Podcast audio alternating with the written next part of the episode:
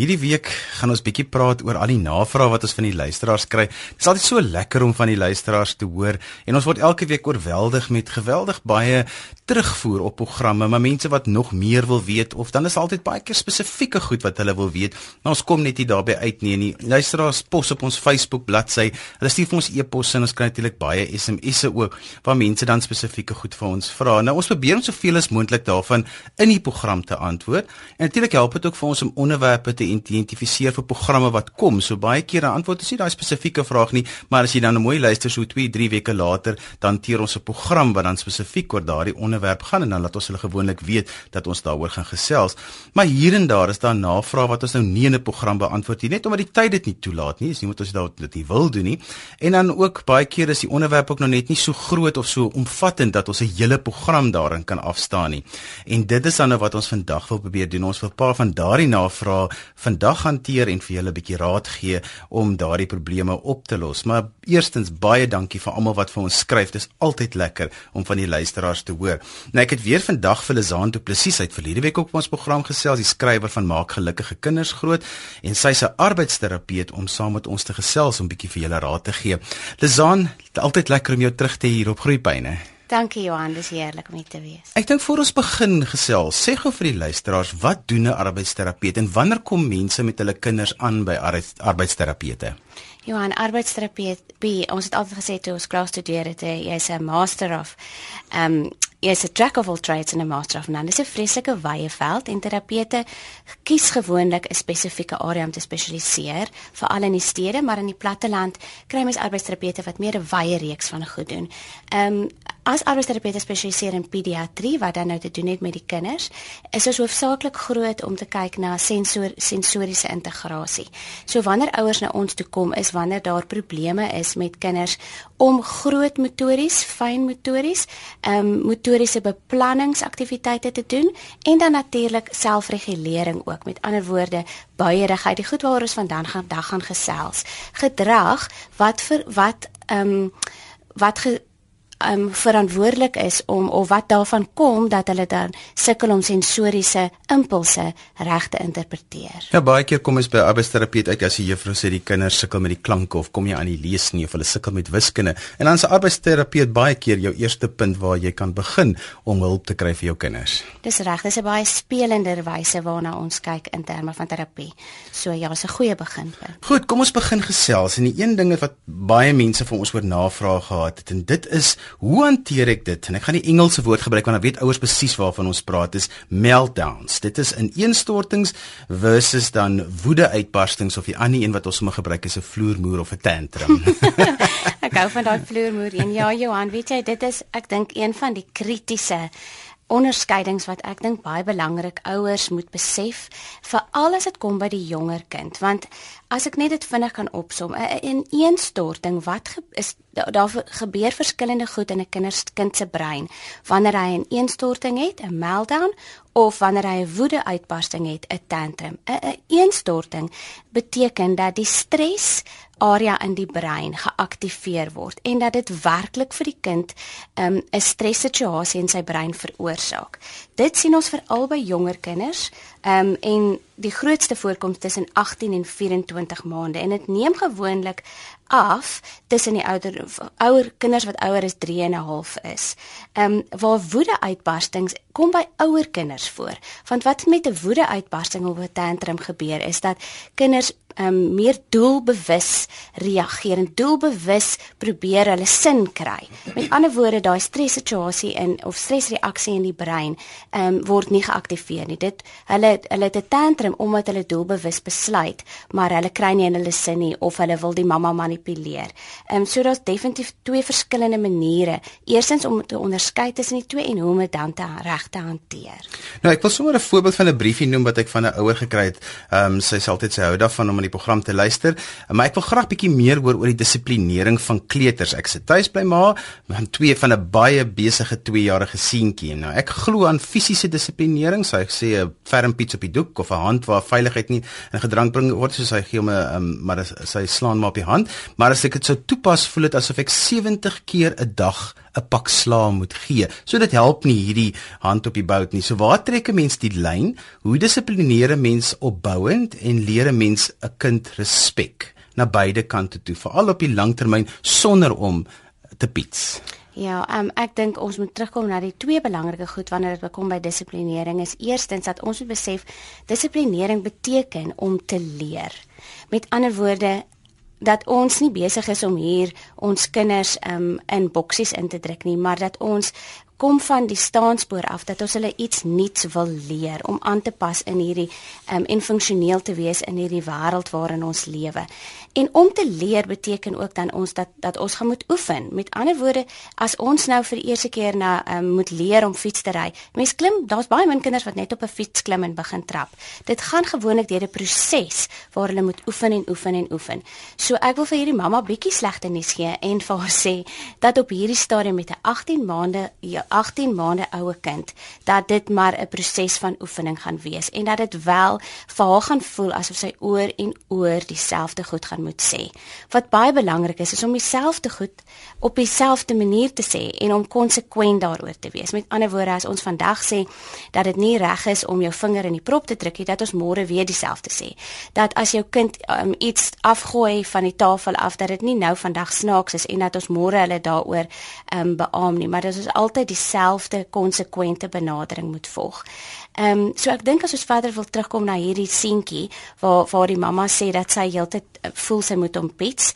Ehm um, wat ons met 18 maande 18 maande oue kleuters of moet doen is om te besef dat ons wel die grens moet stel met ander woorde om te sê dit is nie reg om te gryp nie of dit is nie reg om iemand te slaan of watter tipe gedrag dit is ook ook al is wat onaanvaarbaar is dat ons die grens stel en sê in hierdie huis slaan ons nie of in hierdie huis byt ons nie. Toe in die eerste plek ons stel die grens en dan in die tweede plek dat ons kyk wat ons kan doen um, om hulle brein dinkende brein te aktiveer. So vir ons jonkind kan ons goed doen soos aftre om hulle aandag af te trek. Met ander woorde ons sê moenie jou vingertjie in die prop druk nie en dan sê kom ons doen eerder dit of hulle weg te weg te vat. En dit bring my by 'n punt van dat ons moet kyk na hoe ons huise lyk like vir 'n kleuter. Dat ons om om te voorkom dat ons heeltyd sê nee nee nee dat ons die die die ehm um, die goed in die omgewing identifiseer wat veroorsaak dat die kind dalk hierdie negatiewe gedrag gaan doen. Met ander woorde, ons maak prop skie muurproppe toe. Ehm um, goed wat gevaarlik kan wees en wat ons nie wil hê hulle moet mee speel nie, vat ons weg. Onthou dis net 'n seisoen. Ons gaan ons kan weer daai mooi glas blompot terugbring later, maar op hierdie stadium vat ons dit weg sodat ons nie heeltyd hoef nee te sê nie. Die woord wat vir my uitstaan wat ek sê is aandag en dit is altyd so belangrik met kinders want positiewe en negatiewe aandag bly vir hulle aandag. Selfs 'n skrobbering of 'n skel is 'n vorm van aandag. Um, om te piets is eintlik 'n baie um, wat ons noem 'n suiwer vorm van aandag en baie keer raak die kind net stouter want hy geniet die aandag. So dit is maar hoekom ons goed so time out en al daai tipe goeders ook inbring om te sê maar moenie net aan mekaar aandag gee positief of negatief. Jy trek jy aandag af. Dis 'n goeie goeie strategie, maar oppas vir negatiewe aandag wat net lei na nog meer en nog meer negatiewe aandag. Nou ek moet nou sê die luisters kan inbel 0219763366 maar ons moet van die SMS'e begin lees want hulle kom um, lekker vinnig in. Hier's byvoorbeeld vir my 'n oulike SMS wat uh, maar sê groepeine my seun is in graad 3 sukkel met spelling en om sinne te skryf asook die beginsel van tyd. So dit is 'n skolastiese probleem kan 'n arbeidsterapeut help. Ehm um, ja, definitief. Beginsel soos tyd is meer van 'n abstrakte konsep en dit het natuurlik ook baie te doen met opeenvolging en en die vermoë om te weet hoe dinge op mekaar volg. Daar's natuurlik 'n ruimtelike aspek ook want vir 'n kleintjie om te weet hoe ehm um, hoe 'n horlosie hoe 'n horlosie moet lees, het visuele persepsie ehm um, speel dit 'n belangrike rol.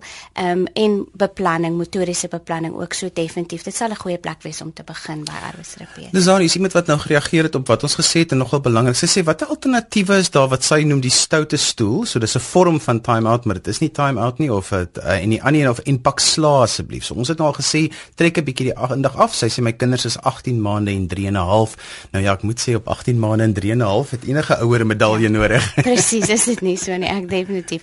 Ehm um, ek dink 'n alternatief daarvoor in plaas van om 'n stoute stoel te praat is om miskien dit in 'n positiewe lig te sit en te sê kom ons praat van ons uh, ons denkende stoel. En in Engels is daar lekker woord 'n thinking chair Ehm um, in ons huis is dit 'n plek wat ehm um, nie afgesonder is van mense nie, maar 'n baie vervelige plek. Soos byvoorbeeld om op die trap te sit waar daar regtig niks anders aangaan. Daar moet geen stimulasie wees nie. Ons het vir Teresa van Oos-London op die lys. Goeiemôre Teresa.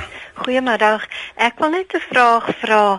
Ehm um, my kleinseun, hy's 4 jaar oud en hy wil nou self sy klere in die oggend aantrek al pas dit nie by mekaar nie, moet 'n mens dit net so los? Teresa, dit is so 'n lekker vraag. Ek weet nou weer van 'n 4-jarige wat self die motor se deur wil toemaak as 'n mens om en oopmaak as jy hom by die kleuterskool gaan aflaai. Uh, Lizan, jy raad daarso. Ja, ek, ek dink definitief moet ons maar ons perfeksionistiese oumas en en ehm um, ma selfs wat daarvan hou om nie rooi en pink saam aan te trek nie. Ek praat uit ehm um, ondervinding uit.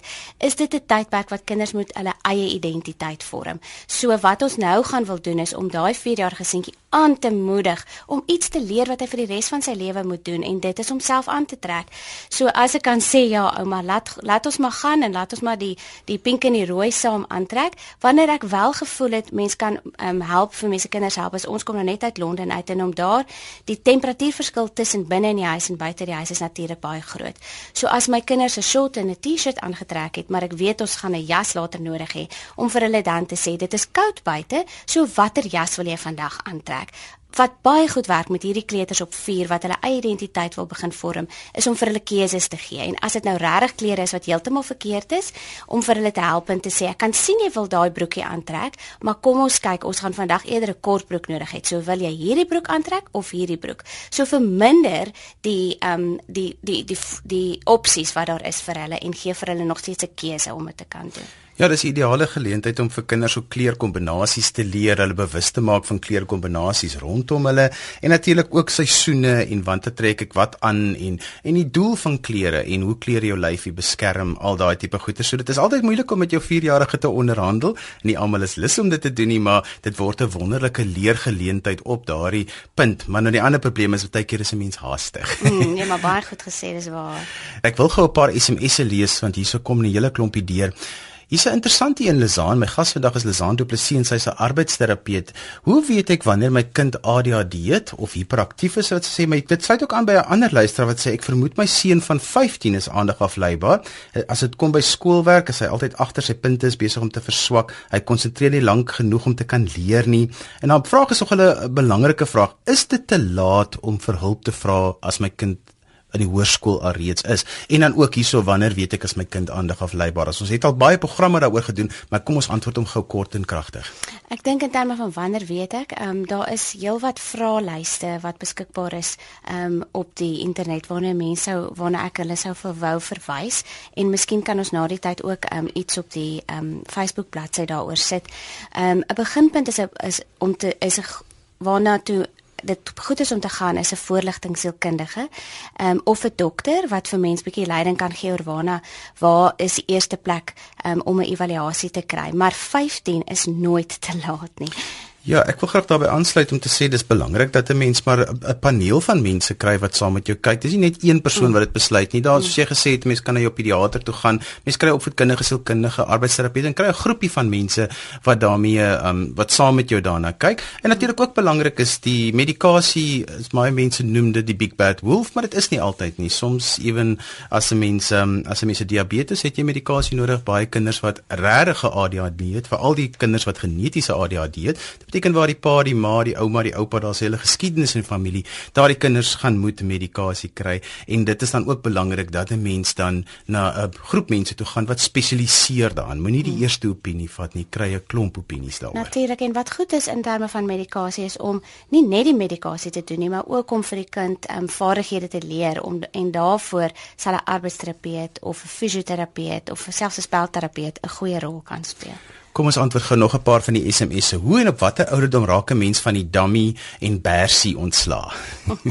ek weet wat ons sien, wat ons sê wat altyd gebeur met 'n dummy en 'n bersie is dit is um, ons vertroosingselemente um, en wat ons help met selfregulering. En soos wat ons laasweek ook gesels het, is dit is 'n vaardigheid wat kinders ontwikkel um, en primêr ontwikkel tussen die ouderdomme van 'n baba totdat hulle 5 jaar oud is.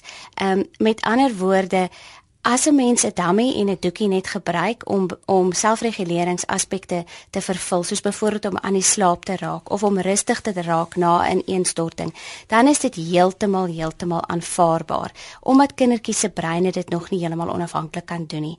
Ehm um, ek sou voorstel dat 'n mens vanaf die ouderdom van 18 maande tot 2 jaar begin kyk of mense 'n dummy en 'n doekie en of 'n kombersie net tydens slaap gebruik of soos ek nou gesê het om um, in ineenstortings te te reguleer nadat nadat die kinders 'n groot meltdown gehad het.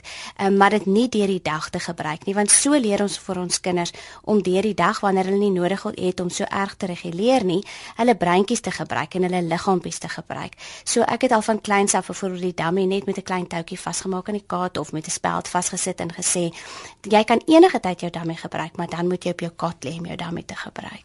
Nou ek wil spesifiek vir luisteraars sê ons gebruik nie hulle name nie want wanneer dit by kinders kom dan bebou ons dit maar altyd so vertroulik as moontlik. So ek eh, dis nie net ek hulle name ignoreer op die SMS nie, dis maar net die gebruik wanneer dit by kinders kom. Nou hier's 'n baie interessante navraag en dit het te doen met angstigheid van hoe hanteer ek my ongeduldige kind? Wanneer ek nee sê of wag net 'n bietjie, dan sê hy som dan sal hy sommer 'n vloermoer gooi. Maar nou my seentjie is nou 2 jaar oud. Tipiese gedrag vir 'n 2-jarige. Tipiese gedrag van 'n 2-jarige en dit kom weer eens by die begrip en die verstaan van dat hierdie kindjie se brein nog nie so ontwikkel is dat vir wat met ons brein gebeur is in ons denkende brein sê kan ons vir onsself sê maar okay kom ek wag net 'n bietjie of miskien is ek nou onredelik. Ehm um, maar 'n 2-jarige kind kan dit nog nie doen nie. So wat ons op daai stadium doen is om weer eens te sê mamma kan sien jy's nou ongeduldig, ehm um, maar mamma sal later aan jou aandag gee of mamma kan sien jy's nou jy wil dit graag hê, maar kom ons doen net eers dit. As dit nie werk nie en die tantrum of die vloermoer gebeur, ehm um, dan sal mense 'n kombinasie van twee goed moet doen. En dit hang af hoe ernstig dit is. As mens kan sien is dit definitief 'n ineenstorting wat gepaard gaan met trane en met daai stres wat in die brein veroorsaak word, dat mens fisiese aanraking gebruik. Hulle dan op jou skoot sit, rustig probeer maak, nie dan redeneer en begin en probeer om die kind te leer nie. Wag tot hulle rustig is en dan verduidelik hoekom jy nee sê. Aan die ander kant as dit meer 'n woede uitbarsting is, daar's geen trane nie en jy kan sien dit het net met met die manipulasie te doen om dan maar net te ignoreer. Ja, ek wil ook daarbey aansluit weer eens wat ek vir hierdie week gesê het, dis belangrik dat 'n mens met 'n 2-jarige daai fisiese ehm uh, aanraking dan sal gebruik want baie keer dink hulle jy jy hoor hulle nie. Dis baie keer eenvoudige goed dat hulle dink maar jy hoor hulle nie. Ehm um, hulle praat nie hard genoeg nie. Ehm um, hulle is gefrustreerd want niemand gee die aandag nie. En dan is daai aanraking net om te sê maar wag net so bietjie en dit is 'n spesifieke aanraking wat jy aan 'n op dieselfde plek elke keer gee. Dit's maar net daai tik van mamma pappa hoor wat jy sê, maar jy wys vir hom wag net 'n bietjie. En ja. jy doen dit met jou lyf en jy met jou lyftaal en dan leer hulle. So ons het vir Nadine van Kimberley op die op die lyn. Goeiemôre Nadine. Goeiedag. My dogtertjie is 21 maande oud en die laaste ruk as sy gefrustreerd is en huil, dan hou sy op asemhaal. Sy raak blou na gesig, die oë dop om, die tong val terug in die lyf weer en dan begin sy weer asemhaal. Ons het op by die pediater gehad en sy is van kop tot onder gesoek, EKG, sonar, bloedtoetse en daar is niks fout nie. Hulle die pediater is van die opinie dat nou net 'n tantrum is, maar hoe hanteer mens hierdie tipe tantrums? Sjoenadien, dit is 'n angswekkende ervaring vir 'n ouer wees. Dis aan net jy 'n bietjie raad daaroor. Ja, ek hoor net in wat jy sê. Ehm um, dit is absoluut skrikwekkend en maar ek moet ook vir jou sê dat dit is nie so ongewoon nie. Ehm um, en ek dink die pediater is reg om te sê dat dit ehm um, nie enige langtermynskade gaan veroorsaak nie. Wat 'n mens kan doen is om in haar gesiggie te blaas uh, op die oomblik nou om in haar gesiggie te blaas of om koue water op haar gesig te spat nie baie aangenaam nie. Net nog 'n sensoriese Ja, en om miskien net hulle by te bring dat hulle nie um, heeltemal onbewustelik raak nie. Um, wanneer mens sal moet kyk daarna as wanneer haar lyfie begin ruk en styf word, dan sal ek definitief daarna kyk. Andersins wat gebeur is is dat definitief is haar brein in 'n vreeslike stres in 'n stres um staat. Um so ek dink wat 'n mens met hierdie dogtertjie gaan moet doen is om mooi te werk in die tye voordat die um en daar kan ons miskien by die zones praat voordat sy in hierdie sone kom in hierdie in hierdie rooi sone wat sy heeltemal ooreageer um en dan ophou asemhaal dat 'n mens bietjie vroeër ingryp en met die eerste keer wat sy vir jou lyk like asof sy begin um in 'n eenstorting kry kry dat jy dan gouer reageer en gouer vir haar sê mamma kan sien jy is nou ontstel oor hierdie 'n naam vir die emosie gee en vir haar manier gee om dit te hanteer. Ja, want jy onderskei uh, duidelik altyd tussen 'n groen gevaar en 'n rooi sone. Ja, ek dink ehm um, dit is spesifiek met kleuters wat gebeur dat of eintlik ons almal 'n groen sone is die sone waarin ek en jy hopelik nou is, waarin ons kan funksioneer, waarin ons kan leer, waarin ons kan sosialiseer en met ons kinders sien dit is dis ook daai sone waar wat ons graag wil hê hulle moet in wees die meeste van die tyd. Die gevaarsone is die sone wanneer ons begin sien dat dinge nou nie meer pluis nie. Hulle maak nie meer sulke goeie oogkontak nie. Jy moet jouself heeltyd herhaal. Hulle luister nie meer mooi nie. Ehm um, en hulle raak net meer buierig. En dit is wanneer ons dan vir hulle moet idees gee van hoe om uit daai sone uit te kom. As ons hulle kan help deur self deur vir hulle die idees te gee of bietjie as hulle bietjie ouer is dat hulle vir hulle keuses te gee en te kan sê ek kan sien jy raak nog geïrriteerd. Wil jy eerder gou buite gaan speel of wil jy op jou bietjie op jou bed sit en 'n boek lees? Keuses vir hulle te gee dan help ons hulle om van die gevaarsone af weer terug te kom na die groen sone toe. Toe maar dan is daar baie keer wat kinders van die gevaarsone heeltemal na die rooi sone toe gaan en dan moet ons hulle ook help om hulle om hulle weer terug te bring na die groen sone. En dit is waar time out en al daardie tipe tegnieke waar jy bietjie een kan sit en wat jy kontak maak. Dis al al daai tipe goeters eintlik in 'n aandag af te lei. Dit is hoe jy uit daai rooi sone kan uitkry. Ek dink rooi sone is amper bietjie verder Johan. Hmm. Groen sone is die een wanneer ons vir hulle hmm. help en op die trappie sit. Rooi sone is daai sone wat jy eintlik um, nie meer baie keuses kan gee nie dat jy nou gaan moet ingryp. Dan gaan jy ferm moet wees. Dan gaan jy of ferm wees of jy gaan moet ignoreer hmm. afhangende afhangend van wat, wat die, die situasie wat die stimulasie is. Hier's 'n oulike navraag op Facebook. My seun van 7 jaar is nou die afgelope paar maande bang om badkamer toe te gaan of om alleen in sy slaapkamer toe te gaan. Iemand moet elke keer saam met hom gaan. Ons kyk ook baie keer wat die pa of die ma sê, maar die kind wil nie alleen gaan slaap nie. As hy kom die rede vra, sê hy is bang vir monsters. Wat moet ons doen? Saamgaan of om dwing om alleen te gaan? Sint geweef my sy 7 jaar oud. 7 jaar oud, ja. Ja, dit is nou interessant dat jy dit sê want ons het nou 'n nuwe huis ingetrek en my um, dogtertjie van 11, um, ehm, wat nooit van tevore bang was nie, begin ook nou hierdie goed sê. Um ek sou saam met die kind gaan. Ehm um, ek dink wat ons met hierdie op hierdie stadium moet doen is ons moenie onderskat wat in hulle emosionele en kognitiewe ontwikkeling gebeur op hierdie ouderdom nie. Ehm um, en deur hulle net te dwing om saam te gaan en te sê ag jy sommer 'n ou papbroek of 'n naam te gee vir 'n gedrag wat hulle regtig ernstig ervaar kan afbreekend wees en negatief op die langtermyn. So kom ons gee vir hulle maniere om dit te hanteer. Kom ons sê, "Oké, okay, kom ek jy jy sal 7 jaar oud. Wat gaan jou help? Kan ons klein liggies vir jou op die pad sit? Wil jy flits hê wat jy in jou sak dra of wil jy net hê mamma moet saamgaan?" Met ander woorde, help vir die kind om hmm. om sy probleem op te los, maar moet dit nie net wegpraat nie. Ja, gebruik ook die kind se verbeelding. Baie keer dan kan 'n mens met jou verbeelding sê, "Maar wat is die grootste ding wat die monster sal weghou?" en jy kan jou verbeelding inspan baie keer wat hulle dan kan gebruik en ek dink ook positiewe kodering daai van kom ons beloon dit wat reg is. So as jy kan sê maar as jy nou vir 10 minute op jou eie in die kamer kan wees, dan gee jy 'n beloning in die vorm van uh, net 'n erkenning en op die ou en tel jy dit alles bymekaar. Maar dit is belangrik om vir kinders te sê maar wat is die grootste ding waarmee ek die monster sê maar in 'n hok kan sit, die sterkste ding. Baie en dit oude. werk baie baie goed vir hulle want dan kan jy daai kreatiwiteit van die proses dat hy is in beheer van die donkerte of beheer van die monster monster maak dat hulle net so klein bietjie makliker daaroor praat en jy kry makliker 'n oplossing, maar hulle moet deel wees daarvan. En wat daar gebeur is wat ons doen is ons vat ons help die denkende brein om die stresdeel van die brein te te override soort van. Ja, en ons moet dit dis ek is so bly het gesê mense maak dit baie keer af en sê ag maar dit is nonsens. Mense kry baie keer in gediggies ook wat die digters altyd skryf van dis nonsens hierdie, maar dit is nie. Dit is 'n werklike vrees vir daardie kind. En dis iets wat jy nie kan sien nie, maar dis 'n werklike vrees en dit is belangrik om vir daai vrees die erkenning te gee. Ja, Tamara. Ons tyd is so te sê verby, maar ek wil nog 'n laaste en ek kry baie keer ouers wat navraag doen oor vernielsigtigheid. Met ander woorde die kind eh, verniel alles rondom hulle. Hulle breek alles. Hulle haal alles uitmekaar uit. Gee vir hulle speelding net nou as hy stikkend. 'n Laaste wenk daaroor want ek het vreeslik baie navrae daaroor gehad. Ek dink dit hang definitief van die ouderdom van die kind af, maar daar is twee definitief reëls um, in ons huis en dit is dat ons nie ander mense seermaak of of dinge seermaak of onsself seermaak nie. Dat dit terugkom na respek, dat ons respek het vir mekaar en vir dinge in ons hmm. omgewing. Ehm um, so daarvoor sal ons definitief grense stel en sê ons breek nie dinge nie. Ons maak ehm um, ons maak nie goed seer nie. En um, weer eens die eerste keer stel ons die die grens en ons sê dit is wat ons nie doen nie en as die kind dit herhaaldelik doen, moet daar een of ander um, kon moet hulle weet dat hulle gedrag gaan lei tot 'n uh, konsekwensie tot 'n ja. um, of 'n straf of 'n wegneem van precies, een van stimulasie. Presies. So dit is presies wat jy sê. Daar gaan of 'n fisiese 'n straf wees vir die kind, ehm um, die kind gaan dalk weggeneem word van die speelding af of die speelding gaan weggeneem word van die kind. Ja. Haal die stimulasie weg. Dit is maar die goue reël want kinders hou van stimulasie. So wat ook al hulle baie gestimuleer het, vat dit eerder weg as wat jy nog meer stimuleer. Lizaan, dit was lekker om vir jou op die program te hê. Hoe kan hoe kan ouers met jou in kontak kom? Sê gou weer jou webadres. My webadres is lizaanduplessis.com.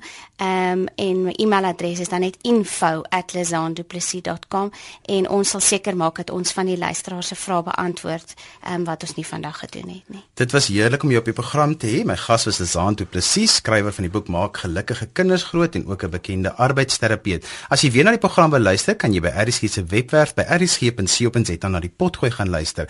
As jy met ons gas wil kontak maak, onthou ons gee ons programinligting en ons gaste se kontakbesonderhede op Groepyne se Facebook bladsy. Ons e-pos ons e-posadres is groepyne@rsg.co.za. daarmee groet ek namens die Groepyne span in Kaapstad. Neil Roos is gewoonlik agter die kontroles en programregisseur Liselde Brein. Tot volgende donderdag vir my Johan van Lille. Totsiens.